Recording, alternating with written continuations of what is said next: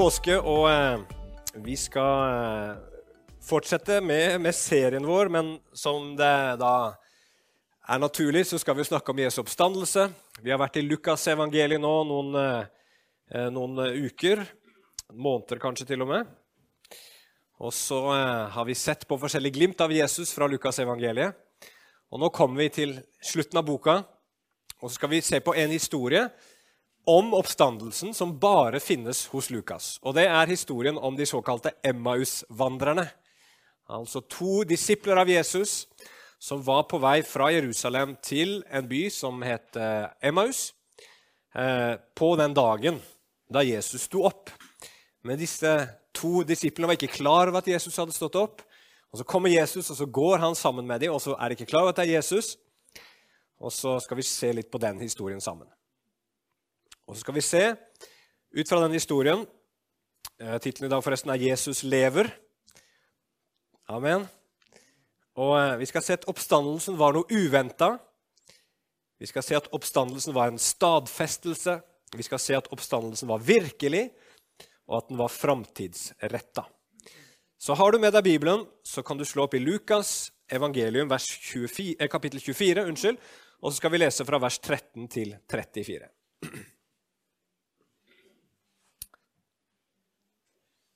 Lukas 24, 13-34.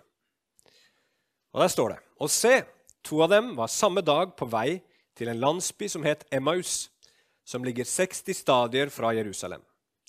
De snakket sammen om alt det som hadde hendt. Mens de slik talte sammen og drøftet dette, skjedde det at Jesus selv kom nær og begynte å gå sammen med dem. Men øynene deres ble holdt igjen, slik at de ikke skulle kjenne ham. Han sa til dem, hva er det dere går og snakker med hverandre om på veien, og hvorfor ser dere så sørgmodige ut?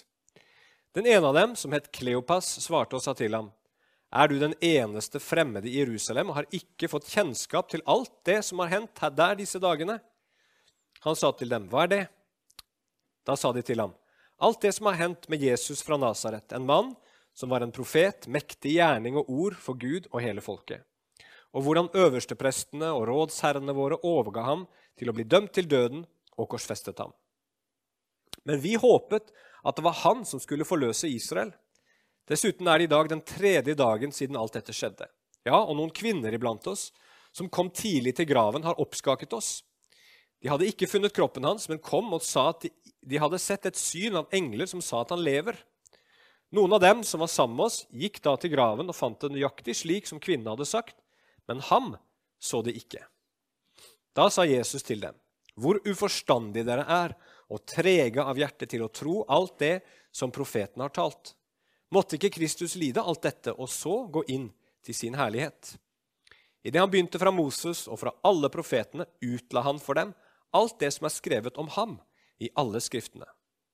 Så nærmet de seg landsbyen som de skulle til, og han ga uttrykk for at han ville gå lenger. Men de holdt ham tilbake og sa, Bli hos oss, for det lir mot kveld, og dagen er snart omme. Der ser dere faktisk ordene fra den sangen som eh, Maria nettopp sang. Han gikk da inn for å bli hos dem. Og det skjedde mens han satt til bords sammen med dem, at han tok et brød, velsignet det og brøt det og ga det til dem.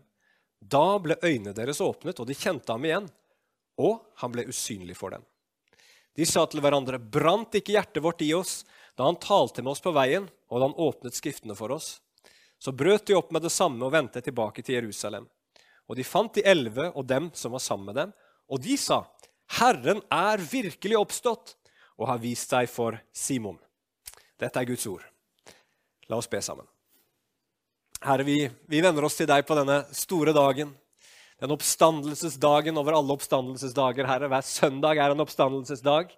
Men i dag så feirer vi påske. I dag så feirer vi eh, og setter fokuset på at du står opp fra de døde, Jesus. Halleluja. Må du åpenbare Skriftene for oss i dag, Herre. Må du hjelpe meg til å finne de rette ordene, Gud, som du vil formidle i dag, Herre. Og må påskehistorien, som for mange av oss er godt kjent, gripe hjertene våre på nytt. Skape en dypere kjærlighet til deg. Større håp i livene våre, større glede. At vi også skal få kjenne på denne brannen i hjertene som Emmaus-vandrerne kjente på da du utla Skriftene for dem, Jesus. Herre, la det på samme måte bli et eh, verk av din Hellige Ånd i våre liv i dag, sånn at vi kan gå ut til den verden som vi befinner oss i, med blikket festa på deg, Jesus, som er kraft, Herre, i hjerte og i tanker, til å leve et liv for deg, Herre, med, med, med frimodighet og med glede og fred. I Jesu navn vi ber. Amen.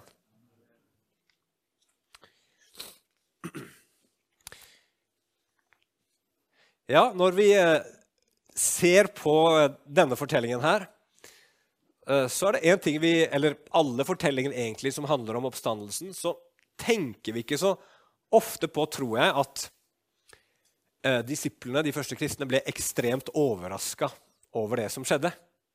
Det var en overraskende oppstandelse, for ingen forventa at Jesus skulle stå opp fra de døde.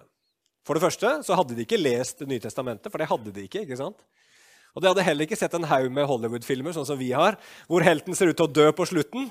Og så Han lukka øynene, og alle gråter, og så, opp, så våkner han igjen. Og så var det alt bra.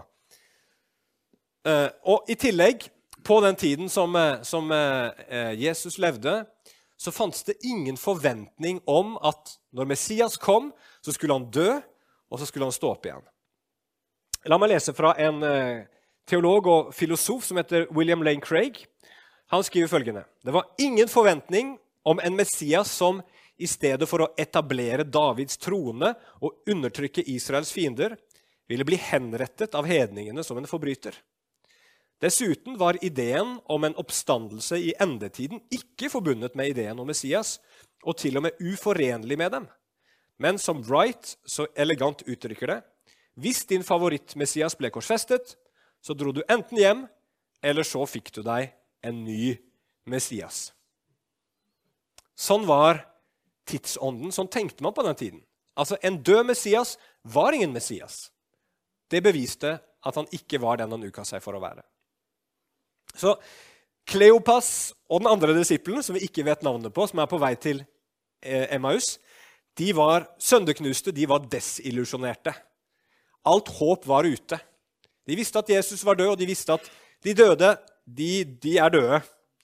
Eh, selv om de trodde at Jesus var han som skulle forløse Israel, som skulle bringe inn den messianske tidsalder, og som skulle fri Israel fra fiendene og, oppfylle alle løftene som Det gamle testamentet talte om, så måtte de konkludere med at de hadde tatt feil. Jesus var død, alt håp var ute. Og det ser ikke ut til å ha hjulpet dem noe heller at det kommer noen kvinner som har vært ved graven og sett at den er tom. Når andre disipler har vært der og sett den er tom, og disse kvinnene sier til og med at de har sett engler i et syn som har fortalt dem at Jesus lever, han har stått opp igjen. Det heller ser ikke ut til å overbevise dem. Det var kanskje forvirrende for dem, men de er ikke sånne godtroende eh, mennesker som griper etter halmstrå, som sikkert mange tenker seg at disiplene var. Nei, de klarte ikke å tro på det her. Det var for utrolig for dem til å være sant. De trodde nok på en oppstandelse én gang. Det gjorde de fleste jøder på den tiden. Ved tidenes ende. Men oppstandelse nå, før det, det var det faktisk ingen som forventa. Og det er med på å gjøre denne historien utrolig mye mer troverdig. For det var liksom ingen grunn til at noen skulle finne på noe sånt. For hvis man skulle bevise at noen var Messias, så var det det siste du gjorde. liksom, Å tenke at han skulle dø og stå opp igjen. Det var ikke, no, det var ikke noens tanker. I tillegg så tenker jeg at det her er det vi ofte finner i Bibelen, et hint om at Gud er på ferde. En Gud som gjør det ingen forventer. En Gud som gjør noe nytt. En Gud som overrasker, en Gud som ikke tenker sånn som mennesker tenker. Som har en visdom som er av en annen verden, og som virker som dårskap for menneskene, men som det står i Bibelen, Guds dårskap er visere enn menneskene. Og Guds svakhet er mektigere enn menneskenes makt og kraft. Og, og, og, og Paulus sier jo dette i 1. Korinterbrev, eh, vers 1 og vers 18-21. For ordet om korset er dårskap for dem som går fortapt. Men for oss som blir frelst, er det Guds kraft. For det er skrevet, 'Jeg vil ødelegge de vises visdom', og de klokes klokskap vil jeg gjøre til intet. Hvor er den vise? Hvor er den skriftlærde? Hvor er en forsker i denne tidsalder? Har ikke Gud gjort denne verdens visdom til dårskap? For siden det var Guds visdom at verden ikke skulle kjenne Gud ved sin egen visdom, var det også Guds rådslutning å frelse dem som tror, ved forkynnelsens dårskap. Mennesker blir ikke frelst ved å være kloke og vise, men å tro på budskapet om hva Gud har gjort i Jesus Kristus, som døde for oss, og som sto opp igjen på den tredje dagen. Det var en stor overraskelse, men det var et Guds verk. Men eh, oppstandelsen er mer enn bare en overraskelse. Det var også noe som viste seg å være planlagt av Gud. Hvis du fikk høre om en mann i Stavanger som hadde blitt drept av en gjeng, så hadde han blitt begrava på vanlig vis, men noen dager senere så viste graven seg å være tom. Og mennesker som du hadde full tillit til, troverdige mennesker, de sa at de hadde sett han levende igjen etterpå. Da måtte du jo konkludere med at her har det skjedd noe veldig uvanlig. Du ville kanskje vært skeptisk hvis det var mange troverdige mennesker som sa dette her. Så ok, her må det ha skjedd et eller annet uvanlig. Men hva mer ville du tenkt? Ville det fått deg til å tro på Gud, f.eks.? Ville det fått deg til å tenke at denne mannens død hadde noen betydning for deg eller andre? Nei, jeg tror ikke det. Hvis det var all informasjon du hadde, så ville den oppstandelsen vært nokså betydningsløs for deg. Det ville vært merkelig, men det ville ikke hatt noe mening. Og når Jesus, da, som disiplene, disse Emmaus-vandrerne, ikke kjenner igjen, kommer til dem, møter dem på veien, så begynner han å snakke om hva som står i Det gamle testamentet. Nettopp for å putte Jesus sin død og oppstandelse inn i en sammenheng, sånn at de kunne forstå hva det var som faktisk hadde skjedd. Ellers så ville det vært betydningsløst, merkelig, rart, et underlig fenomen. Men hva så? Men så peker Jesus på at dette her har Det gamle testamentet alltid sagt.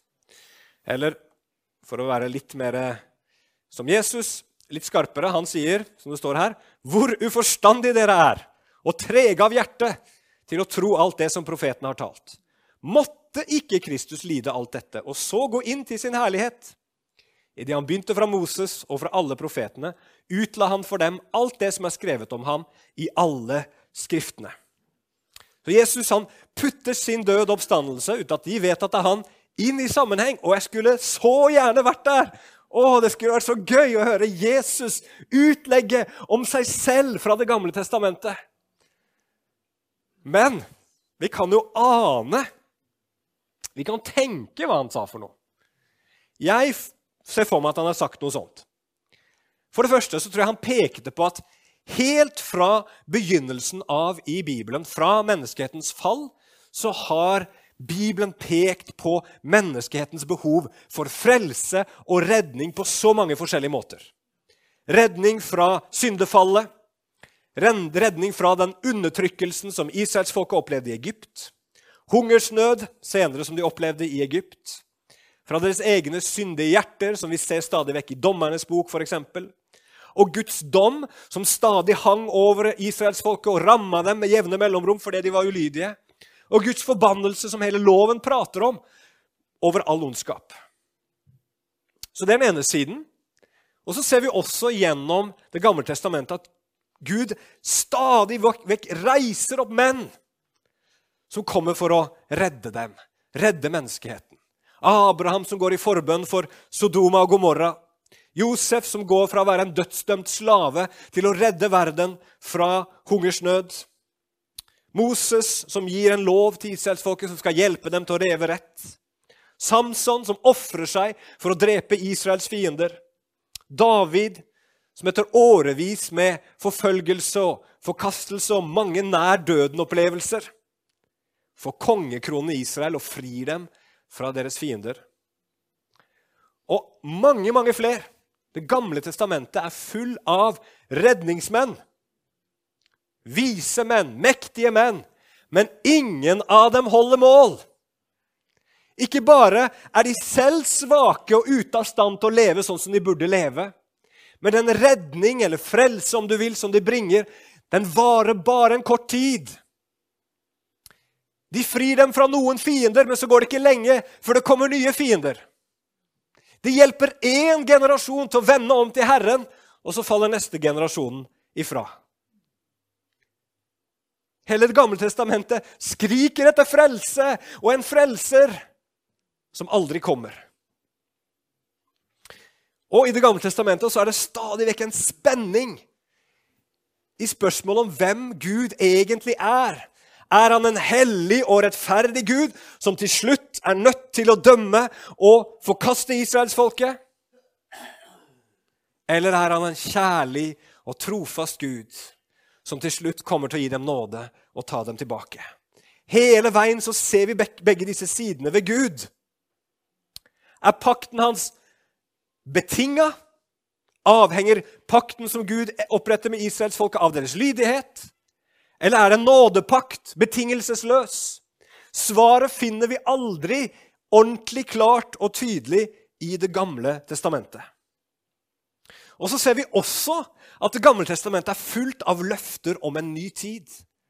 Om en messiansk tidsalder hvor ondskap, død og smerte skal viskes ut. Hvor fred, harmoni, helbredelse skal råde over hele jorda. Alt skal bli bra.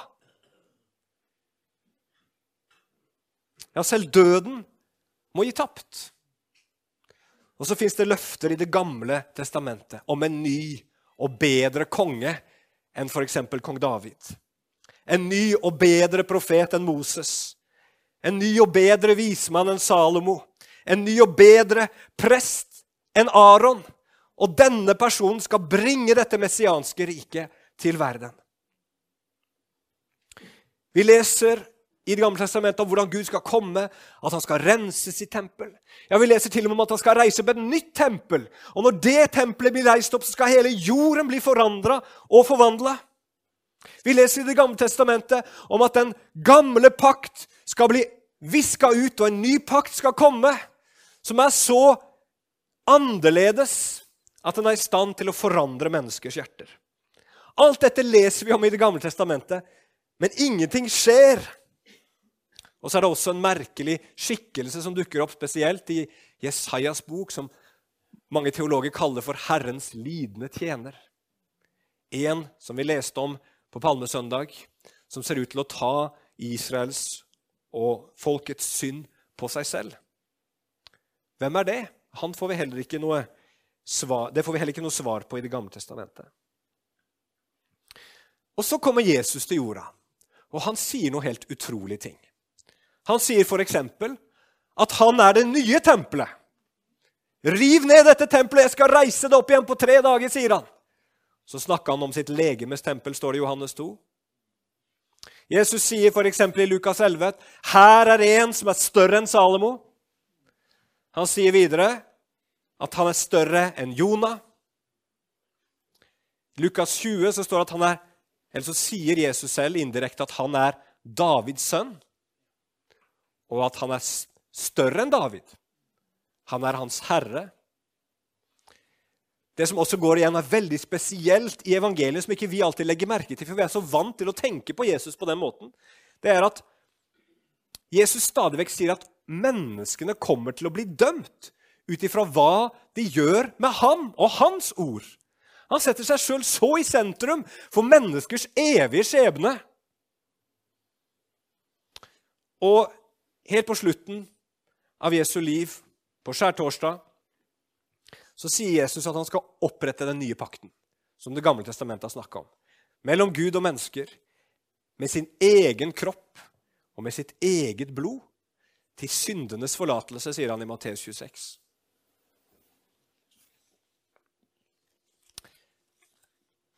Hvem sier sånne ord? Enten så er det en galning som C.S. Lewis sa. Eller så er det en utspekulert og dyktig bedrager.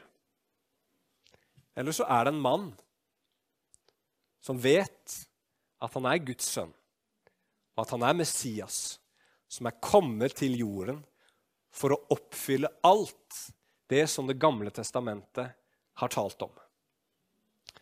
Så hvordan kan vi vite forskjell? da? Hvordan kan vi vite om denne Jesus var gal, en bedrager, eller virkelig var Guds sønn? Og Det er mye som tyder på at Jesus ikke var gal, det er mye som tyder på at han ikke var en bedrager.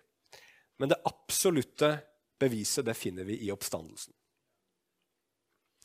Kleopas og den andre disippelen på vei til Emmaus, da de kom fram, så fikk de overtalt Jesus til å bli med inn og spise sammen med dem. Og Idet Jesus tar brødet og bryter og velsigner det, sånn som han gjorde på skjærtorsdag, og som han også gjorde da han delte ut mat til de 5000, så blir øynene deres åpna, og så ser de at det er Jesus. Og da skjønner de ikke bare at Jesus har oppstått fra de døde, at han lever. Men når de ser at han bryter brødet, så forstår de at de ordene som Jesus sa for bare noen dager siden, da han sa at 'dette er den nye pakt i mitt blod', 'dette er min kropp som gis for dere', så var det ikke bare ord. Men det ble oppfylt på korset og fullendt og bevist og åpenbart ved at Jesus sto opp igjen fra de døde. Hans oppstandelse er stadfestelsen på at Jesus er den som Det gamle testamentet snakka om. Han er den som han selv sa seg å være.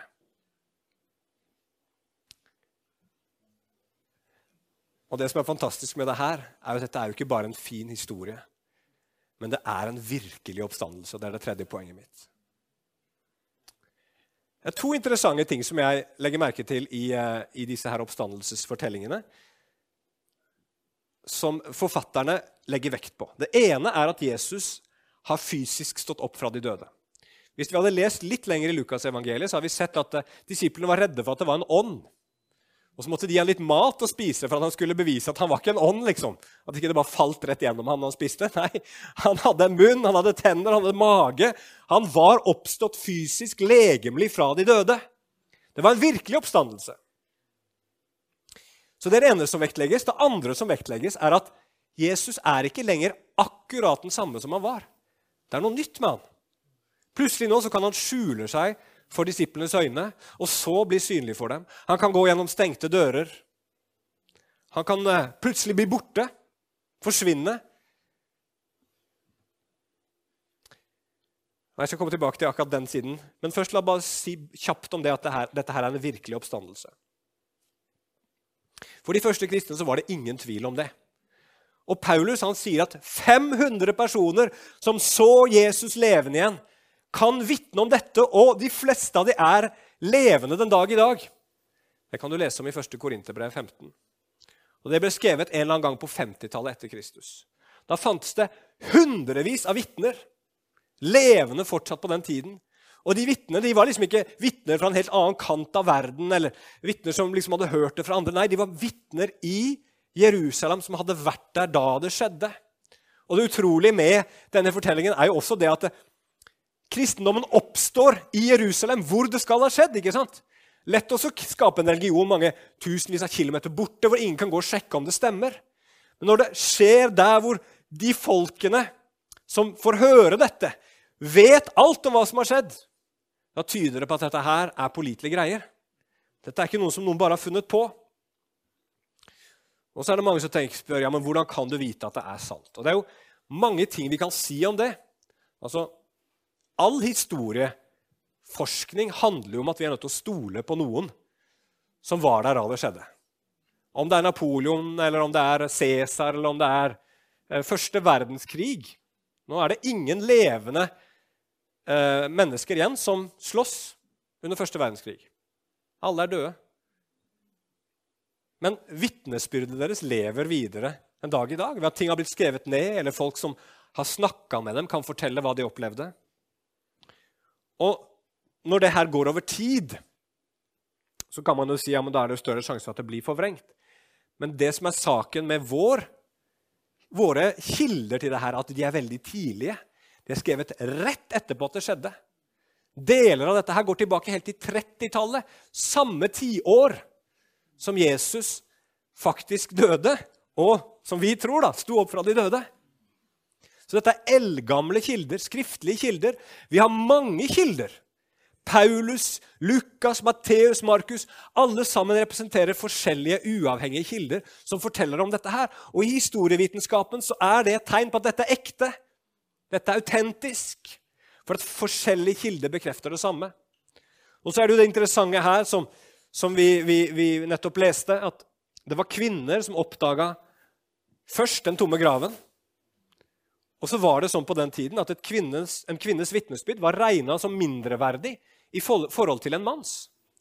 Så hvorfor i all verden, hvis man skulle dikte opp en historie om en Jesus eller en Messias som sto opp fra de døde, vil man bruke da kvinner som de første vitnene? Det gir jo ikke mening hvis man skulle prøve å gjøre den historien så troverdig som mulig. Men det gir mening bare hvis det var det som faktisk skjedde. Så det fins så mange ting som veldig dyktige, intelligente mennesker som jobber med historievitenskap, eh, er enige om har skjedd, virkelig har skjedd rundt dette med Jesu oppstandelse. Så er selve konklusjonen at Jesus faktisk sto opp fra de døde, veldig vanskelig for en vitenskapsmann å komme fram til. For det, det betyr at man må tro på det overnaturlige, og det vil ikke en vitenskapsmann tillate seg å gjøre. Men hvis man legger bort den, den, den tingen der og sier at, det, at man tror at overnaturlige ting kan skje, så er det alt som peker i retning at Jesus faktisk står opp fra de døde. Men når alt kommer til alt, så trenger vi alle sammen det som Emmaus-vandrerne selv fikk. Vi trenger å få se Jesus selv personlig. Vi trenger å få våre øyne åpna, så vi kan få se den levende Jesus. Og det er mulig den dag i dag. Få møte Jesus det er et uttrykk vi liker. Det er fordi at vi tror på det.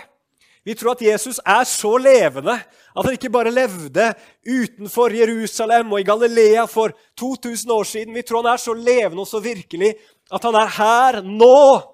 Og at du som sitter her, eller andre mennesker i sine hjem eller på sine arbeidsplasser eller ute i naturen, kan få møte en levende Jesus bare kalle på han. Ja, selv når de ikke kaller på han, så kommer Jesus. For han er virkelig, han er levende. Han lever. Han lever, og han åpner menneskers øyne den dag i dag. Og Vi hører så mange spennende historier fra andre deler av verden hvor mennesker som du aldri skulle tro kunne bli nådd med evangeliet, møte Jesus i et syn, i en drøm eller på helt andre overnaturlige måter. Så levende er Jesus. Og så er det fantastisk med denne oppstandelsen at det er en fremtidsrettet oppstandelse. Hva mener jeg med det? Jo, jeg var inne på i stad at det poengteres i evangeliene at Jesus ikke er 100% den samme som han var etter han har stått opp igjen fra de døde. Hvorfor det? Hvorfor beskrives denne overnaturlige siden ved Jesus? At han, eh, at han kan gå gjennom stengte dører, og at han kan forsvinne. Jo, det var fordi at på den tiden der så hadde man, som jeg nevnte litt i sted, en veldig forventning om at en dag så skulle komme en oppstandelse fra de døde. Men det var altså noe man forventa i endetiden. Så vet vi at du kan lese i Bibelen om at mennesket blir gjenoppliva ved mirakel. Det skjer mange ganger gjennom Bibelen. det. Jesus også gjør jo det med Lasarus f.eks. og sønnen til en enke i Nain. Men disse menneskene de ble bare gjenoppliva. Det vil si at de, de, levde bare en stund til, og så døde de av alder eller en annen sykdom. Men den siste oppstandelsen, den som jødene på den tiden trodde på, i veldig stor grad, det var en oppstandelse til evig liv. Til udødelighet. Og hva var det som hadde skjedd med Jesus? Da Var det en gjenoppliving, eller var det en oppstandelse til evig liv? Jo, ved å vise at Jesus er annerledes. Han er ikke liksom som han var før. Han har fått del i det evige livet. Han har nå blitt et menneske som er udødelig.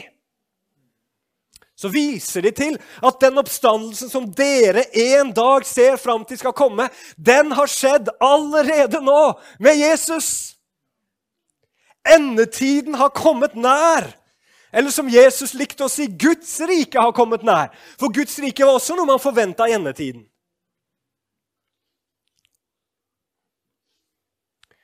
Og det betyr for oss, og det ser du allerede i Det nye testamentet, at nå er vi i de siste tider. Paulus sier det i 1. Korinterbrev 10. Oss som de siste tider har kommet til, sier han. Guds rike har allerede kommet i Kristus. Det er ikke fullendt, men det har begynt. Og Paulus sier at Jesus er førstegrøden. Han er begynnelsen på den innhøstning som, som Gud holder på med. Han er begynnelsen på at Gud skal skape om hele verden. Og så begynner han med Jesus, og så begynner han med de som kommer til tro. Har du lagt merke til at det er litt spesielt i 2. Korinterbrev, kapittel 5, vers 17, hvor det står Hvis noen er i Kristus, er han en ny skapning. Skapt på nytt. Eller som Bibelen sier andre steder født på nytt.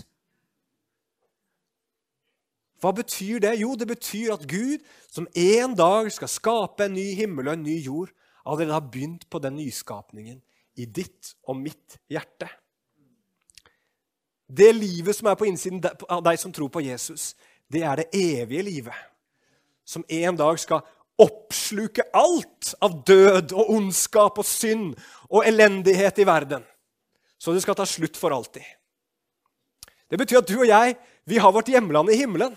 Vi hører ikke til i denne gamle, døende verden. Vi har noe vi skal gjøre her nede. Vi har fortsatt en rolle å spille, vi har fortsatt en oppgave å fullføre, men vi hører ikke hjemme her. Vi hører ikke hjemme i en verden hvor mennesker dør, blir gamle, utslitte, hvor kroppene blir svakere og svakere og til slutt ikke fungerer mer. Vi hører ikke hjemme her, og du kjenner det på deg. Å, vi lengter til den dagen da vi skal få se at døden blir oppslukt til liv, og at vi får gå inn i evig herlighet. Og så vil vi ha med oss alle andre på det òg. For det er det vi ble skapt til. Vi ble skapt for det evige livet. Og det, det her gir håp. Det gir håp for oss alle sammen. Og så gir det motivasjon for å leve for Gud akkurat nå. Jeg har lyst til å lese til slutt fra Kolossebrevet, kapittel 3. Der poengterer Paulus akkurat dette her. Han sier, 'Hvis dere altså ble oppreist med Kristus, så søk de ting som er der oppe, der Kristus sitter ved Guds høyre hånd.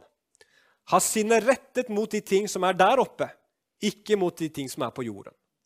Dere er jo døde, og deres liv er skjult med Kristus i Gud. Når Kristus, vårt liv, åpenbares, da skal også dere bli åpenbart sammen med ham i herlighet. Overgi derfor deres jordiske legemer til døden. Hor, urenhet, syndig begjær, ond lyst og grådighet, som er avgudsdyrkelse. Og så hopper vi til vers 12. Som Guds utvalgte, hellige og elskede, må dere da ikle dere inderlig barmhjertighet, godhet, ydmykhet, saktmodighet og langmodighet så dere bærer over med hverandre og tilgir hverandre hvis noen har en klage mot en annen. Slik som Kristus tilga dere, slik skal også dere gjøre. Men framfor alt dette, dere må ikle dere kjærligheten, som er fullkommenhetens bånd. Og la Guds fred råde hjertene deres. Den ble dere også kalt til i én kropp, og vær takknemlige. La Kristi ord bo rikelig i dere i all visdom slik at dere underviser og formaner hverandre med salmer og lovsanger og åndelige sanger, og ved nåden synger i deres hjerter for Herren. Og hva dere enn gjør i ord eller gjerning, gjør alt i Herren Jesu navn, og takk Gud Faderen ved ham. Her står det beskrevet et liv som vi kan kalle for oppstandelseslivet. Å være en kristen det er å gå som Kleopas og den andre disippelen fra et liv i håpløshet, sorg kanskje, til begeistring og til et levende håp. Disse Emmaus-vandrerne så Jesus i Skriften, og så begynte hjertene deres å brenne. Og må Gud også ved sin Hellige Ånd få våre hjerter til å brenne. Les i Skriften og se Jesus, og hjertet ditt begynner å brenne. Vi trenger å gjøre det hver dag, slik at vi blir fornya på innsiden. Slik at vi løfter blikket vårt oppover. Hvor lett er det ikke at det går ned? Og Vi ser på det ene og vi ser på det andre. Vi kan kjenne på irritasjon, og vi kan kjenne på sorg, og vi kan kjenne på håpløshet, og vi kan kjenne på bekymring. Men denne verden skal få gå. Men den verden som kommer, den er evig. De synlige ting varer bare en kort stund, men de usynlige ting er evige. Gud kaller oss ved Jesu oppstandelse til å leve et himmelvendt liv. Fullt av håp, glede, begeistring, kraft og fred. Midt i en urolig verden. Det skal merkes at Jesus har stått opp fra de døde. Og at det fins et oppstandelsesliv på innsiden av deg og meg. Amen. Så la oss rette, blikket oppover, og la oss rette det framover for Jesus. Han lever. Amen. Vi ber. Kjære himmelske Far. Takk for at du sendte Jesus for å gjøre alt det som profetene forut hadde sagt, beskrevet, lagt ut. Sånn at vi, Herre, ikke bare kunne få se et eller annet mirakel, men forstå miraklet. Forstå hva det var du gjorde. At du ble menneske for å leve det livet vi ikke klarer å leve. At du ble menneske, Jesus, for å dø den døden. Ta på deg den forbannelsen, ta på deg den straffen som vi fortjente. Og du ble menneske, Jesus, for å beseire døden. Overvinne den, knuse den, og djevelen og hans onde ånder. Og alt av mørke. At du sto opp på den tredje dag, Jesus, og brakte lys og uforgjengelighet inn i verden. Halleluja. Lovet være ditt navn i dag, Jesus. Vi ærer deg, og vi priser deg. Halleluja. Halleluja, halleluja. Takk, Jesus.